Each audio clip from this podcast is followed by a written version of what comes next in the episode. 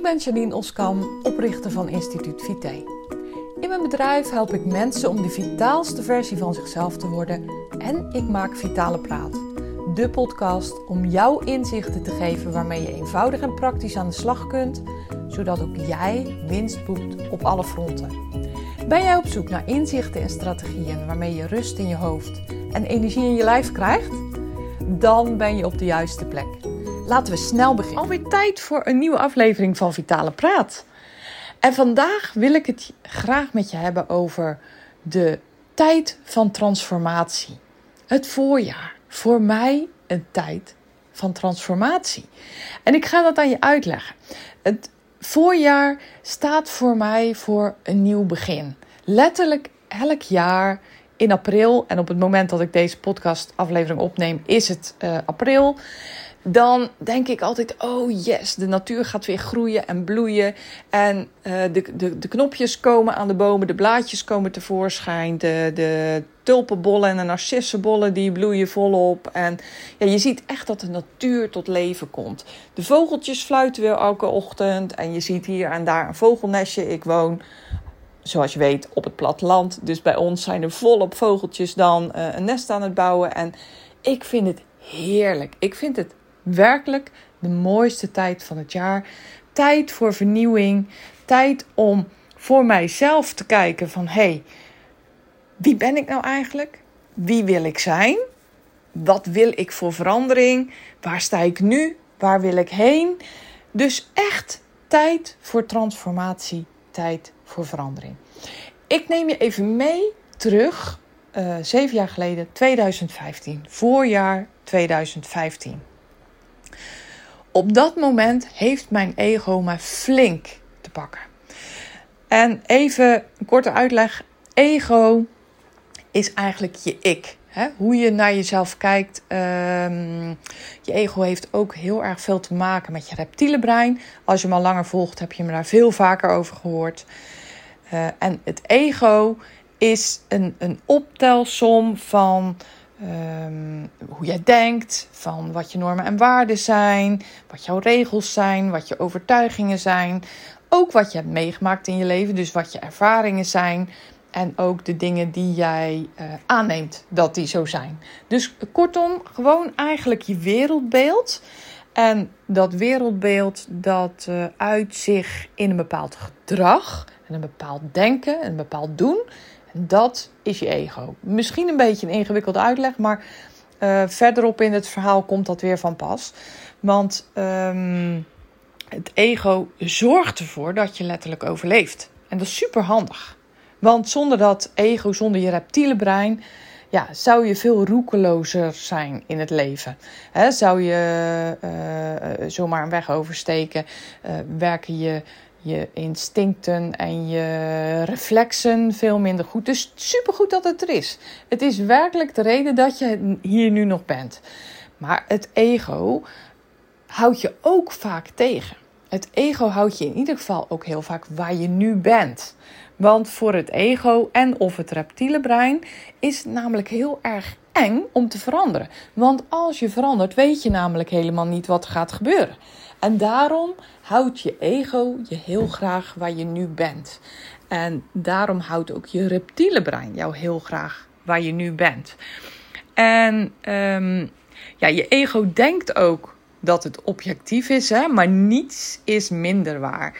Ga maar eens even na bij jezelf. Uh, als er bijvoorbeeld iets negatiefs gebeurt in jouw dag, dan. Um, dan heb je heel vaak de neiging, heel veel mensen hebben de neiging, laat ik het zo zeggen, dat je dan denkt, ja, maar dat komt door uh, het regende net, of mijn collega die had een, uh, uh, net een verkeerde dag, of mijn man die had wel een pesthumeur, of je geeft vaak anderen de schuld.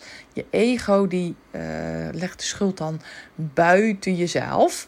En dat is echt niet objectief. Heel vaak heeft het namelijk veel meer met jou te maken dan met de rest van de wereld. En iedereen heeft natuurlijk een bepaalde manier van denken. Iedereen heeft ook bepaalde normen en waarden, regels, overtuigingen. En, en die ervaringen en aannames, wat ik eerder al zei. En dat bepaalt ook de optelsom van al die dingen, bepalen hoe jij naar de wereld kijkt. Nou, kortom, voorjaar 2015 had mijn ego me echt flink te pakken. Ik werkte veel te hard. Ik werkte veel te veel.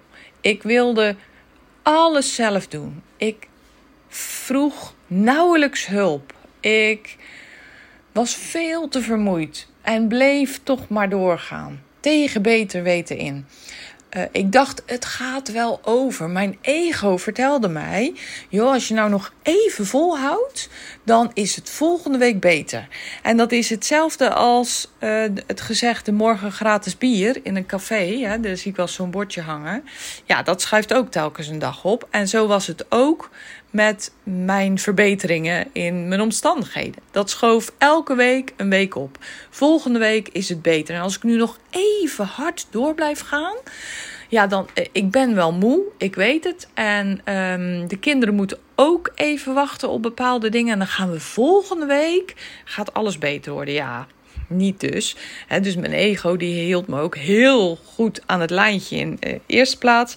Maar ook nog voor het lapje in de tweede plaats. Want ja, niets was minder waar natuurlijk. Het, uh, het ging alleen maar achteruit. En ik liep alleen maar steeds meer achter de feiten aan. Ik werd steeds vermoeider. En uiteindelijk, als ik het echt goed bekijk nu toen zag ik dat niet hoor. Maar als ik terugkijk, ja, dan waren mijn prestaties die gingen, die werden minder en minder en minder. Maar dat zag ik op dat moment dus helemaal niet. En ik bleef maar doorgaan. En ik bleef maar door bijten. Vroeg veel te weinig hulp. Ik deed dat wel hier en daar. En uh, ik heb op dat moment trouwens ook een hartstikke lieve man die mij op alle manieren wil helpen. Ik heb hartstikke lieve collega's die me op alle manieren willen ondersteunen. En ook nog heel veel lieve andere mensen om me heen. Maar nee, ik doe het allemaal zelf. Ik uh, kruip in mijn schulp eigenlijk. Uh, aan de andere kant schreeuw ik uh, tegen iedereen, niet letterlijk, maar met mijn uh, rug recht, borst vooruit, hoofd omhoog. doe ik net alsof ik alles onder controle heb en niets is minder waar. Dus daarom zeg ik van mijn ego had me flink te pakken. Ik was aan het overleven in plaats van aan het leven. Nou, dat resulteert op 8 juni 2015 in een burn-out. Mijn leven staat compleet stil. Mijn hart sloeg op hol. Dat was uh, wat er bij mij gebeurde, waardoor ik echt niet verder kon. Ik had een hartslag nou, sky high. Ik weet het aantal niet meer, aantal slagen per minuut. Maar ik kwam bij de huisarts en die heeft me echt gezegd: je moet nu stoppen, je moet nu gaan liggen en niet meer overeind komen voordat je beter bent. En uh, nou, ik heb dat advies te harte genomen, want, zei ze, uh, eigenlijk wilden ze me laten opnemen in het ziekenhuis. Maar dat, oh, dat kon niet, want uh, ja, dat, dat kon in mijn gedachten echt niet. En dus heb ik gezegd: nee, ik ga echt doen wat je zegt. En ik heb dat vervolgens ook letterlijk heel eerlijk ook gedaan. Maar ik kon niet meer. Mijn wereld stortte in. Mijn lichaam had aan een noodrem getrokken. En uh, er was maar één ding wat me te doen stond. Echt stil gaan staan, stil gaan liggen. Uh, heel letterlijk genomen. En nou, dat gaf me natuurlijk ook tijd om na te denken. Eerst weet ik nog dat, dat er een ongelooflijke vermoeidheid uitkwam.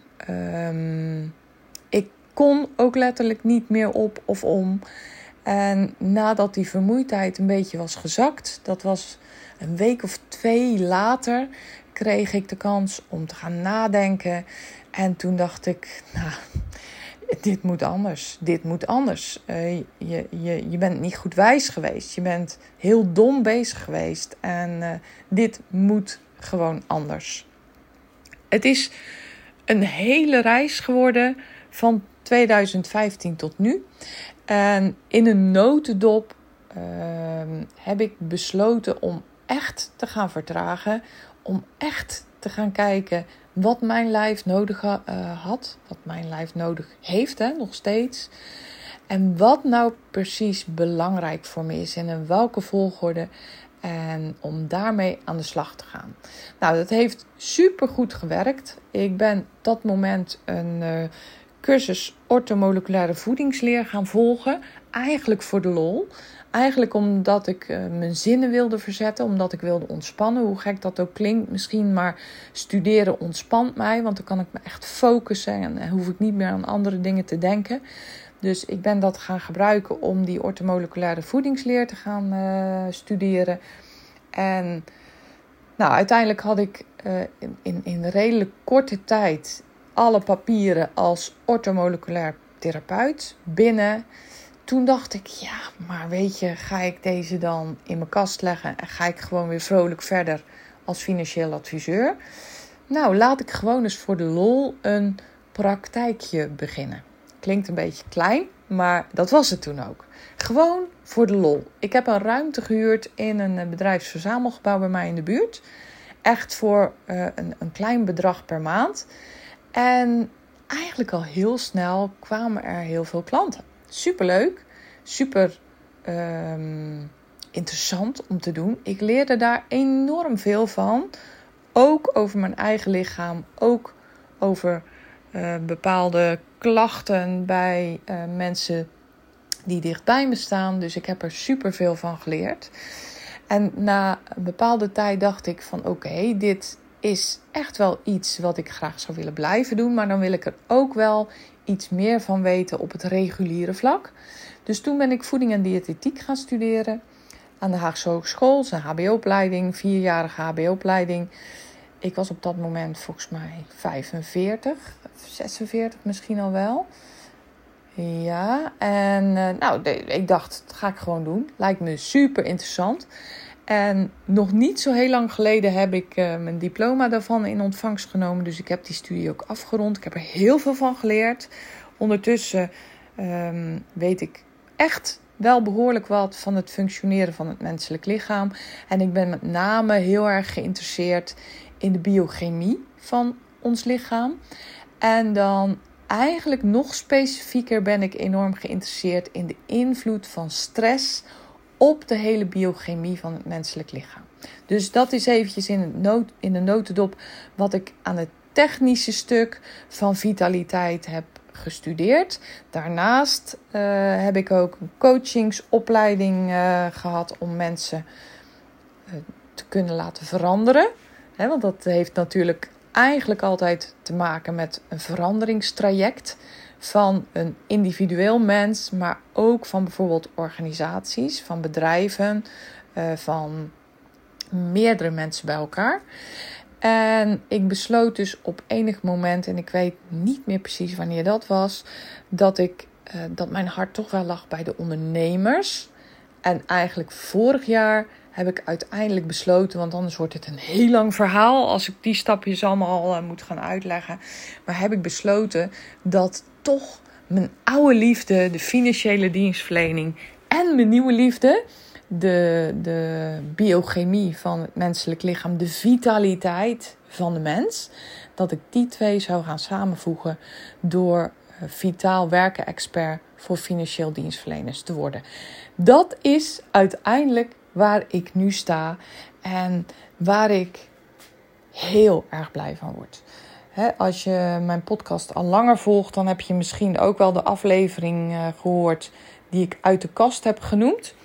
En uh, in die aflevering vertel ik je dat ik eigenlijk heb besloten om uh, als spreker met name mensen verder te gaan helpen in onze prachtige branche, de financiële dienstverlening.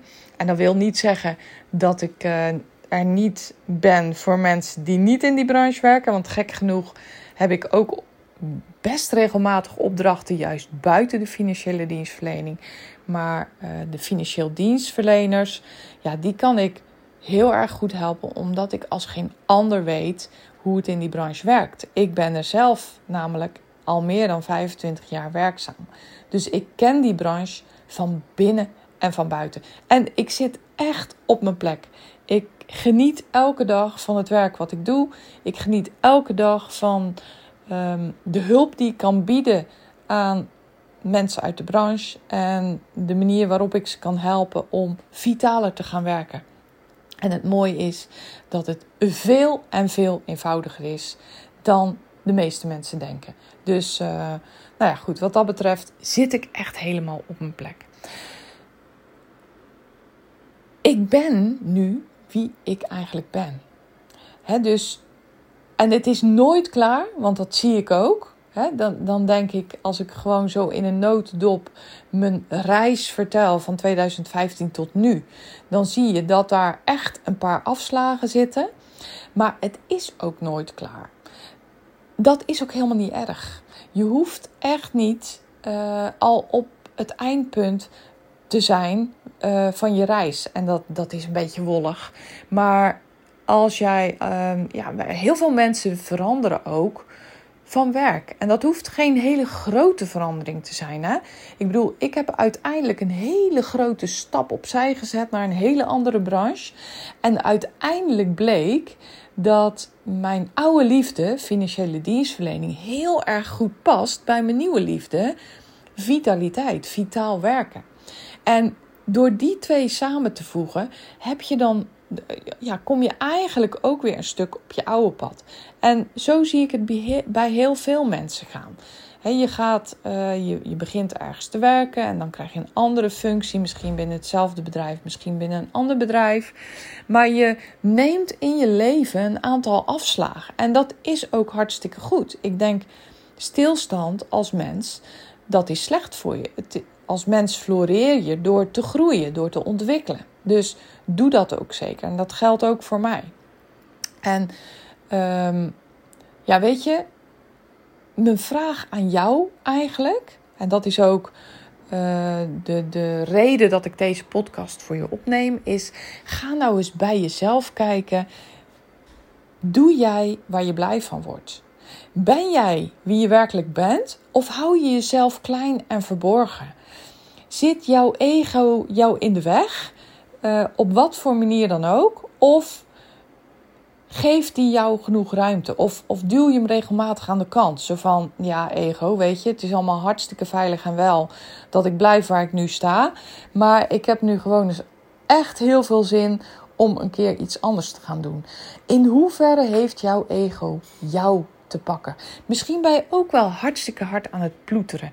Misschien ben je ook wel tegen beter weten in keihard aan het werk en uh, ben je heel erg niet vitaal bezig.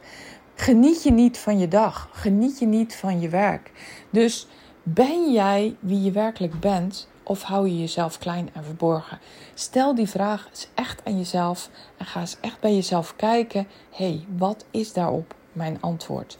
En de tweede vraag die ik dan altijd stel is: durf je eigenlijk te worden wie je werkelijk bent?